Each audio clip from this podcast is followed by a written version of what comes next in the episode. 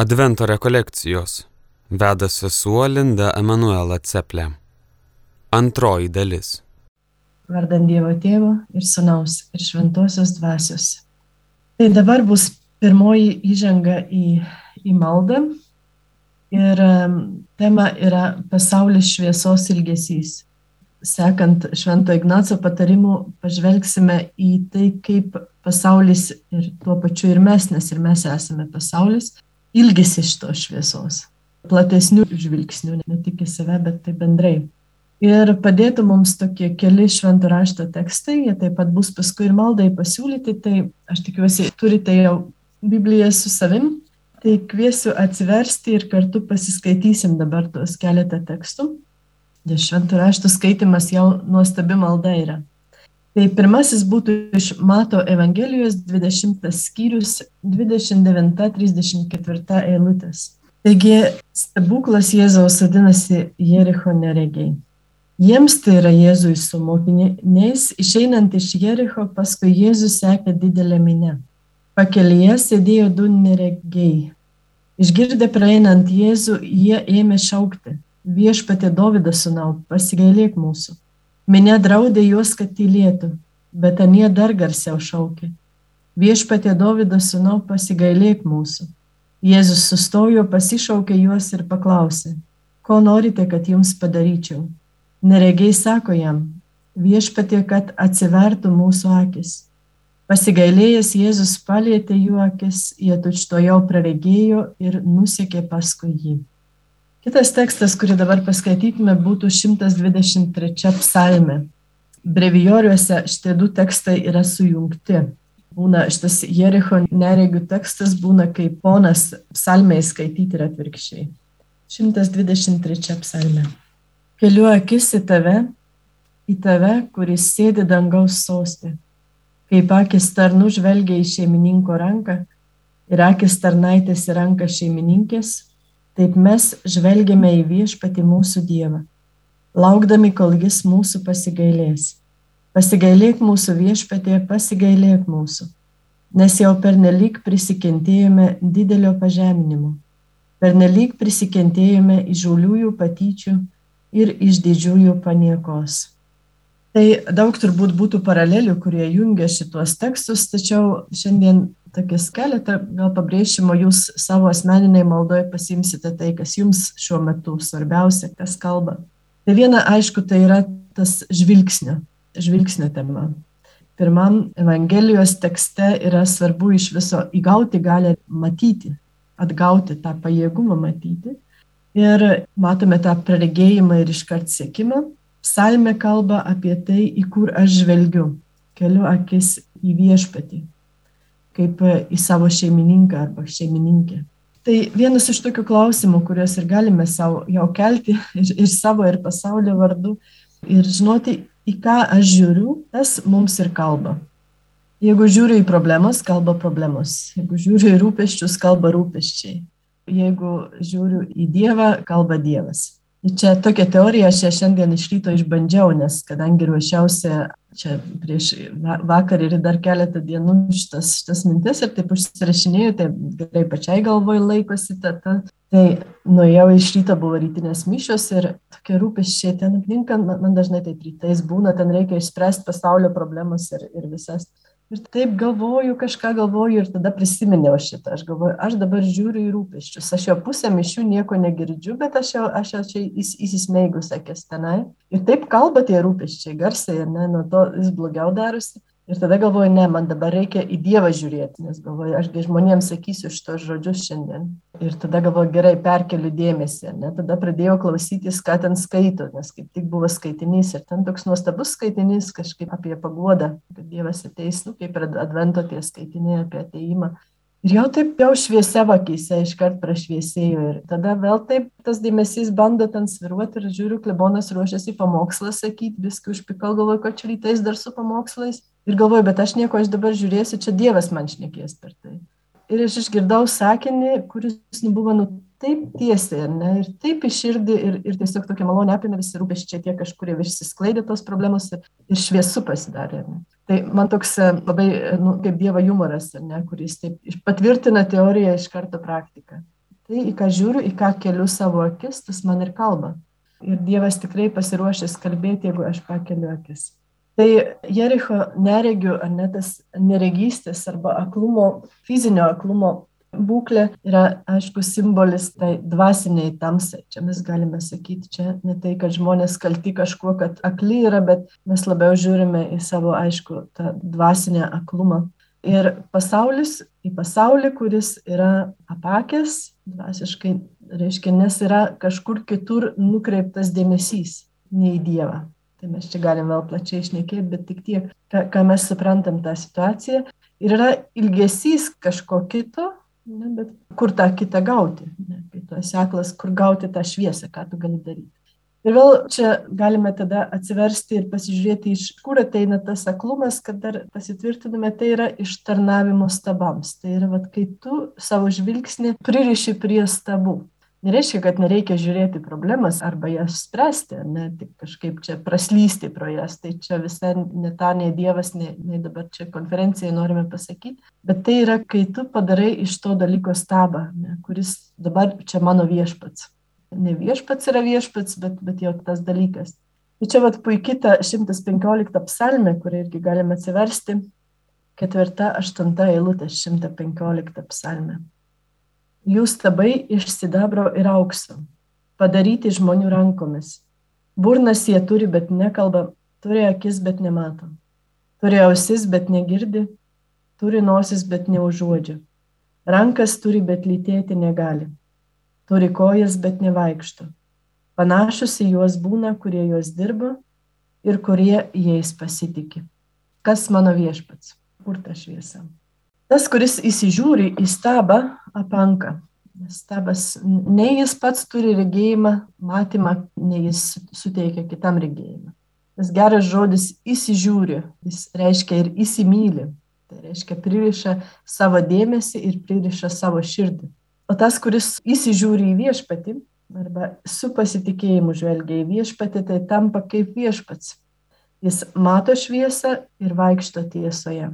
Vėliau kalbėsime apie tai, kad taip pat gali ir um, skleisti toliau viešpaties šviesą. Taigi, kas yra ta šviesa, kurios ilgimės, tai pirmiausia yra ta galimybė matyti tiesą. Iš visų dalykų tiesa yra toks pamatinis ir gelbstantis dalykas. Tiesa yra kaip pamatų pamatas. Sakysit meilė, tačiau ir meilė jinai yra tikra tada, kai jinai yra tiesoje, kai yra tikra, kai, kai nėra kažkokiu pakaitalu. Ne? Tai va ta šviesa yra pamatyti realybę, bet tą tikrą realybę, tą, taip kaip jinai yra. Ir ją pasirinkti. Šiaip visos pasaulio religijos, visos filosofijos, daugelis, sakykime, filosofijų taip pat kalba apie tokius dalykus kaip praregėjimas, nušvietimas ir taip toliau apreiškimai įvairūs. Ir krikščioniška prasme tai ne kažkas tai ypatingo, kur turime kažkokią kitą būklę pereiti, nors ir tai tam tikrą prasme irgi esame kviečiami, ne, tą apšvietos kelią. Tačiau tas kelias ir yra, tai visą laiką yra tas troškimas ir ieškojimas galimybės pamatyti realybę, ne, tą tikrą realybę, kaip iš tikrųjų dalykai yra. Ir skirti tiesą, padaryti tikrą skirimą, kur tiesa, kur melas, tiek pasaulyje, tiek manyje. Ir suvokti visų dalykų ir paties gyvenimo prasme. Tai va toks pamatų pamatas, atsistojimas. Nu, čia šventasis Ignacas sakytų, matyti Jėzų visuose dalykuose. Tai, tai yra tiesa. Tai panašu, kai reiškia atsistoti ant to tiesos pamato, ką mes trokštame, tai yra kaip kūdikiui gimti. Ir tada kūdikis, kai jis pamato šviesą, tai motinos veidą. Tai mums tas, tas troškimas pamatyti tiesą yra kaip pamatyti Dievo veidą visame tai realybėje. Taigi adventas šitas laikas, kai mes laukiame tos šviesos, labai simboliškai yra bažnyčios pasirinktas, kada jis yra.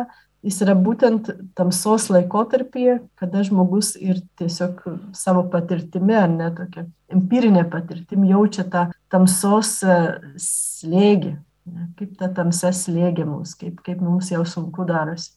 Ir tada Kalėdos ateina, Kristaus gimimas ateina kaip tas persikeitimas, kaip tas gimimas, ne, kai gali jau akis praregėti ir atsiverti daugiau šviesos pamatyti. Aš tik galvoju, kaip ten pietų pusrutulį yra, ten kažkaip kitaip įdomu jiem nepasisekė. Taigi praregėti, dvasinė prasme, pereiti nuo tamsos į šviesą, nuo nežinojimo, aklumo į suvokimą, į supratimą, tai kaip gimdymas. Ir tik kai gimstame, tai galime ir aukti. Dievas nori mūsų suaugusių, gebančių rinktis patiems, gebančių bendradarbiauti. Ir tam reikia tos šviesos. Todėl mumise yra tas šviesos troškimas, nes tada mes galime ir aukti, mes galime rinktis, galime skleistis. Galime klausti, ar mes irgi trokštame, kad pasaulis sektų Jėzų, kad įgytų tą šviesą. Nes kartais, pavyzdžiui, santykiuose su pasauliu, ne pasaulio tokia koks visuomenė, kokia jinai šiuo metu yra, tai nėra lengvi dalykai, su gal net, netikinčiais žmonėmis, su artimaisiais, kurie nežino Dievo, mes tiesiog imame juos ir vedžiojame už rankos. Jie akli, jie nemato kažkokios tiesos. Ir tada mes, va, tokie, tokie čia praregėję, tokie žinantis, mes bandome juos vedžioti už rankos. Ir su vyriausiais kitinimais. Tai ką tai reikštų praktiškai, tai būtų, kad mes bandome priminti krikščioniškas tiesas, krikščioniškas vertybės, Dievo įsakymus ir taip toliau. Tačiau kažkaip jie netiki Jėzumi. Ir tada tai yra kaip sakyti, nu dabar reiškia aklas žmogau, tu daryk visą tą, ką daro regintis. Ne? Nes vat, būtent įtikėjimas į Jėzų, ta gyvoji Jėzos patirtis, Jėzos prisilietimas yra tas šviesos momentas. Ir tada jau žmogus gali aukti, tada jis gali suprasti. Kitaip taip jis gali paklusti, kažkaip suprasti, kad čia tikrai gal geri dalykai, ką čia tie krikščionys sako. Tačiau kol akise nėra Jėzaus šviesos, tai Ir realiai suprantame, kad mes taip pat, mums visiems reikia šviesos, ar ne? Reikia ir mums taip pat to Jėzaus, kasdien reikia to Jėzaus. Kas rytą atsibundam ir gaunam laisvės dovaną, laisvę rinktis, tai prieš tai dar mes gauname Jėzų, ar ne? Mes tiesiog kiekvieną rytą iš naujo Jėzų gauname dovaną, einu grėžti, taip jau lyriškai dabar kalbu, ar ne? Nuolat gauname Jėzų dovaną ne kad mūsų akis atsivertų ir vėl kur mano akis nukreiptos, kur tas žvilgsnis. Taigi tam gauname tam, kad oriai jį sektume, oriai, augdami, tapdami saugusiais vyrais ir moteriams, kaip ten pagal Kristaus amžiaus saiką ar matą, kaip ten, kaip ten Paulius atrodo tą sako. Taigi tas praregėjimas yra toks vis didesnis įsišaknyjimas Jėzaus buvime su mumis, Jėzaus dovanoje mums, Jėzaus meilėje mums, tame prasme ir gyvybė. Fauleris yra toks, dabar nepasakysiu, jis tyrėjas, jis yra tyręs religijos, reiškia, vystimosi stadijoje žmogaus gyvenime, kaip religinis jo jausmas ir gyvenimas vystosi kiekvieno žmogaus gyvenime. Ir jis išskiria, atrodo, šešias stadijas, kaip žmogus nuo pirmos iki šeštos stadijos, reiškia, turi nu, suaukti tą religinę prasme, ne tą tikėjimo prasme. Ir šitos stadijos jos nėra, kad viena baigėsi ir tada kita, bet jos eina taip kartu, žmogus taip pamažu vis labiau toliau eina. Tai pati pirmoji stadija tai yra toks patirtis, Dievo patirtis per prisilietimą, per tai, ką matome, ką girdime, Šiaip normaliai, jeigu vaikas gimsta tikinčioje šeimoje, yra įvedamas į religinį gyvenimą, tai yra vaikiškas tas tikėjimas.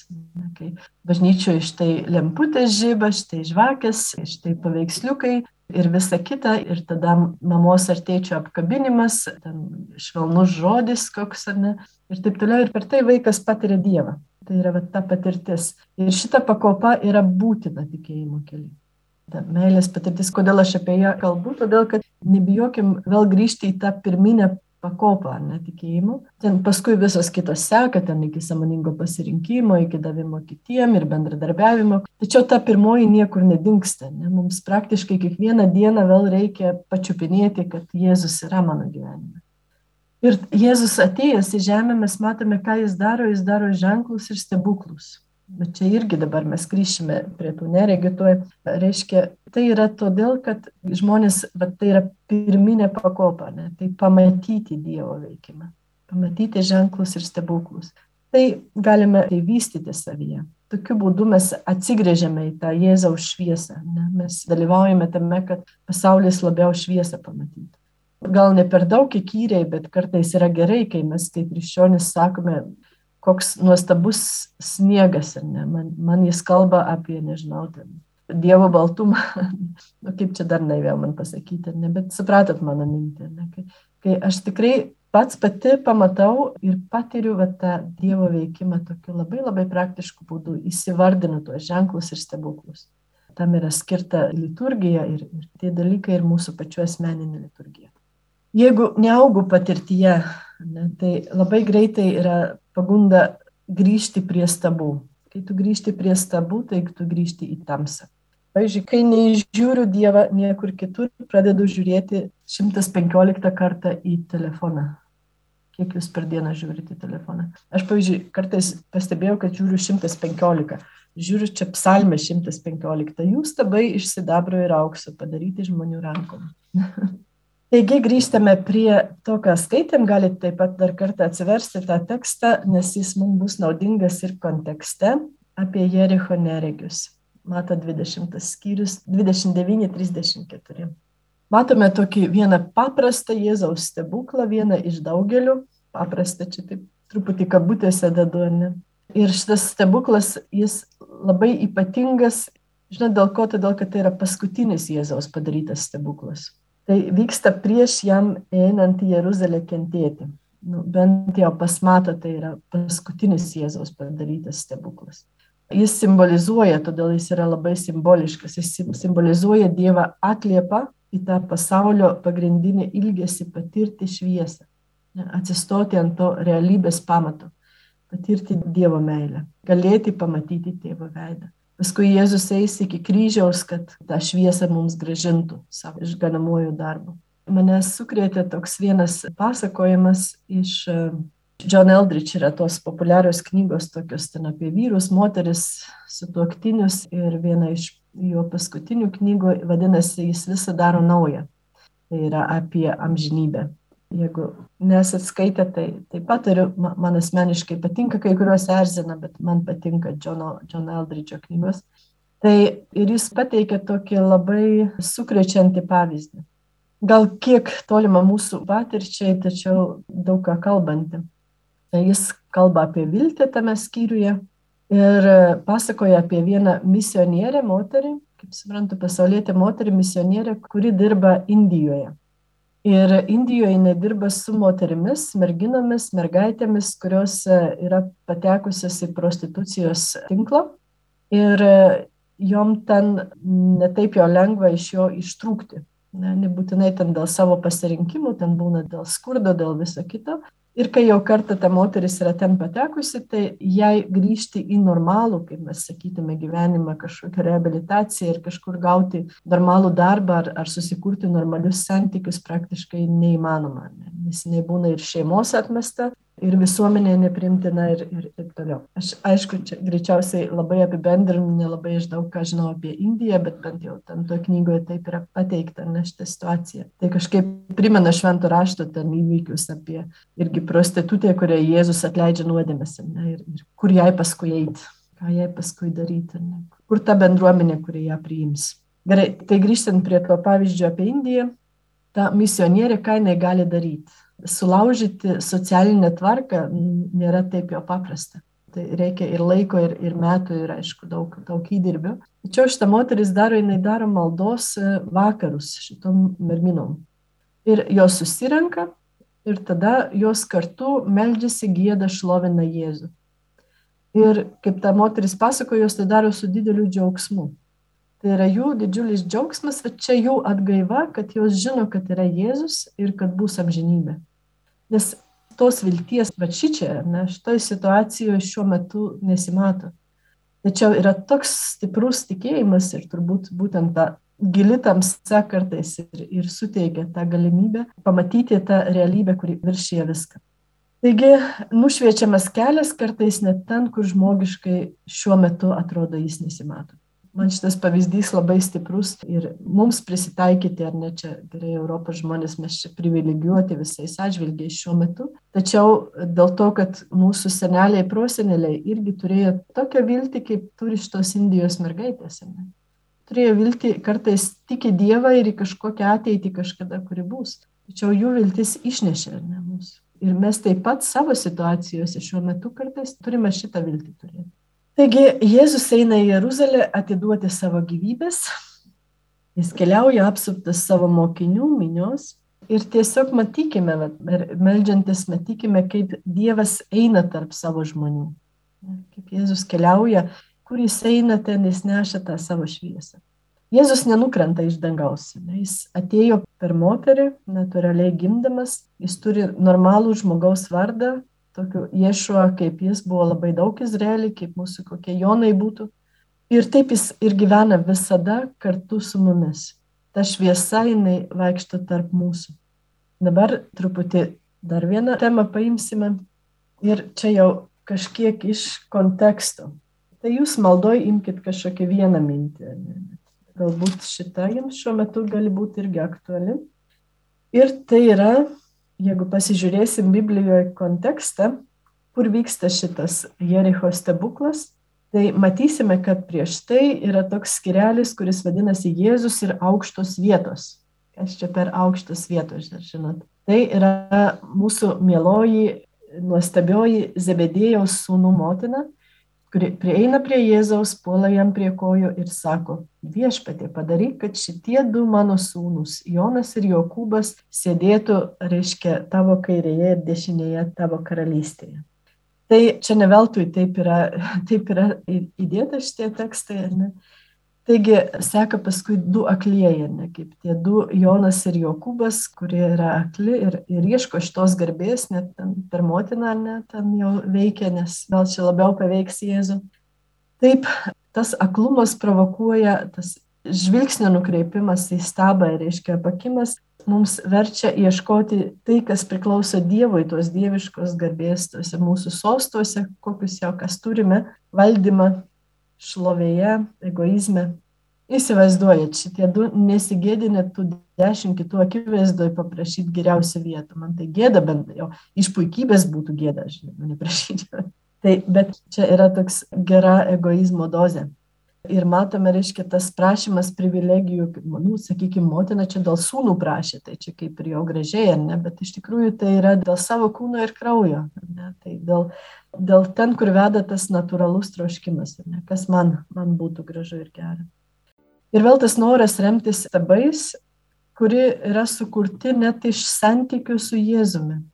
Labai gerai tai matosi, pavyzdžiui, bažnyčiose, bendruomenėse, tarp tikinčių žmonių, nes mes iš santykių su Jėzumi irgi galim sukurti nuostabių stabų. Čia vien visas bažnytinės pareigybės kartais, kiek daug ginčių būna, kas, kur yra rožančiaus dalis, kalbės ir ar da, iki, iki ten sostų kažkokiu pasidalinimu ir taip toliau. Ne. Ir aš juk vargonininkė bažnyčioje, ne, tai ką, kaip čia dabar kiti išdryso kažką pagėduoti, o aš tai klebonas, ar ne, kaip čia kažkas kažką pasakė, o aš, o aš vienuolė, kodėl čia man nenusilenkė pakankamai. O aš kasdienį bažnyčią einu, tai aš žinau, kur tai gėlė stovėti. Ne? O aš o aš tiek daug darau, ne, aš tiek daug kalbu, aš tiek daug rašau, ne, tai prašom man tokių, tokių privilegijų, tokių, tokių atsižvelgimų. Ir tie gundimai būna vis subtilesni. Tai reiškia, tie gundimai tampa vis subtilesni. Ir ką jie daro, jie greuna bendrystę iš vidaus. Eina tas aklumas, tas žvilgsnio nukreipimas, dėl to, kad aš turiu tokį ypatingą vietą bažnyčioje, ne tokį ypatingą čia santykį, ar čia santykis su Jėzum klausimas, ar ne, ir aš kažką turiu. Kai mes žvelgiame į Jėzų, tai ką mes turime, mes visi esame privilegijuoti. Santykis su Jėzumi yra privilegija ir tai yra privilegija būti dėl kitų, kaip Jėzus yra dėl kitų. Tai yra privilegija būti nuolankiu. Būti nuolankiu reiškia būti tiesoje. Ir būti tiesoje yra labai gera. Tai jokių būdų nėra kažkoks blogas jausmas. Jokių būdų. Tai yra labai gera būti toje realybėje tai yra laisvės pojūtis vidinis. Stabai mūsų padaro tam kažkokius apniukusius, susikauščiusius, ar nežinančius, ar dar pasimetusius, o tiesa ir nuolankumas jinai nuima kaip šydą kartais nuo širdies, nuo akių. Ir mes tiesiog galime tada džiaugtis tą privilegiją būti dėl kitų. Ir ta, kad kiti yra dėl mūsų. Ne? Ir toje bendrystėje yra laimė. Ir tą mes esame kviečiami liūdyti ir pasauliui. Ne? Tai yra tai, ką trokšta ta visas pasaulis - matyti tokią šviesą. Taigi Jėzus savo Zebedėjaus sūnums kalba apie tarnavimą, primena apie tai Tačiau neatsitiktinai tuoj seka tas tekstas, mūsų tekstas mylimas apie aklųjų gydymą.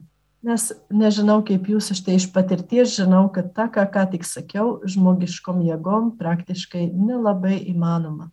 Egoizmas, ta puikybė, tas aklumas, tas atsigrėžimas į stabus yra tiek suleidęs šaknis į visas mūsų giliausias ten širdies kerteles, kad reikia to ypatingo gydimo. Reikia to šauksmo, to reikimo į viešpatį. Šaukimasi. Viešpatė, kad regėtume, kad matytume, kad ta tiesa ateitų, kad tas vidinis stebuklas atsivertimas iš tų subtiliausių puikybių į tokį realų, nesuvaidintą nuolankumą įvyktų. Tai reikia ypatingo Jėzaus stebuklo mūsų gyvenime. Ir mes tiesiog šaukiamės jo. Ir kai visas tos subtilybės ten mumise pradeda sukinėtis, tai tiesiog šaukiamės viešpatė, kad matyčiau. Gal ne tiek ten narplioti, kaip ten dabar geriau, kaip ten dar taip ar anai, bet viešpatė, kad matyčiau. Čia reikia jau tavo įsikišimą. Tas pats visam pasauliu, ne? Tai neužtenka tik žinoti, kad mes dabar surašysim labai kažkas iš filosofų, kuris čia. Gal Kantas tai buvo, kuris labai buvo įsitikinęs, kad jeigu žmonės žinos tiesą, kad visa problema yra iš nežinojimo, kad jeigu žmonės žinos tiesą, tai jie tiesiog automatiškai visi gerai elgsis. Ne, tai čia buvo jo tokia utopija truputį. Dar reikia Dievo prisilietimo Jėzaus asmenyje. Reikia Jėzaus. Ne, pasauliui reikia Jėzaus kad šviesa ateitų. Ir Jėzus tą prisilietimą visą laiką dovanoja. Tai yra, va, čia yra Euharistija, čia yra mišios, kurios nuolat vyksta pasaulyje. Čia nėra šiaip savo, kad mes galėtume ateiti ir smagiai rytą praleisti. Mano sesuo šiandien man parašė žinutę, šiandien buvau ratinėse mišiuose, taip smagiai praleidau rytą. ir aš ją suprantu, po darbo savaitės sudalyvauti ratinėse mišiuose, žvakių šviesoje yra nuostabu, Ir reiškia, tai yra va, ta patirtis, apie kurią tas vaikiška patirtis, ar ne, kuri įneša jau kažkokią atsiverimo šviesą į momentą. Ir dar daugiau, Jėzus visada dar daugiau, jis apkabina visą pasaulį per mišęs, per Euharistiją. Tai yra toks kosminis apkabinimas Jėzaus, kuris vyksta. Ne? Nes kas yra mišios, tai yra ištiestos Jėzaus rankos ant kryžiaus mūsų apkabinimu. Garbė Dievui, Tėvui ir Sūnui ir Šventajai Dvasiai kaip buvo pradžioje, dabar ir visada, ir per amžius. Advento rekolekcijos. Kalbėjo sesuo Linda Emanuela Ceple. Klausėmės antrosios dalies. Tesinio kviečiame klausytis rytoj tuo pačiu metu 9 val. ryte. Likite su Marijos radiju.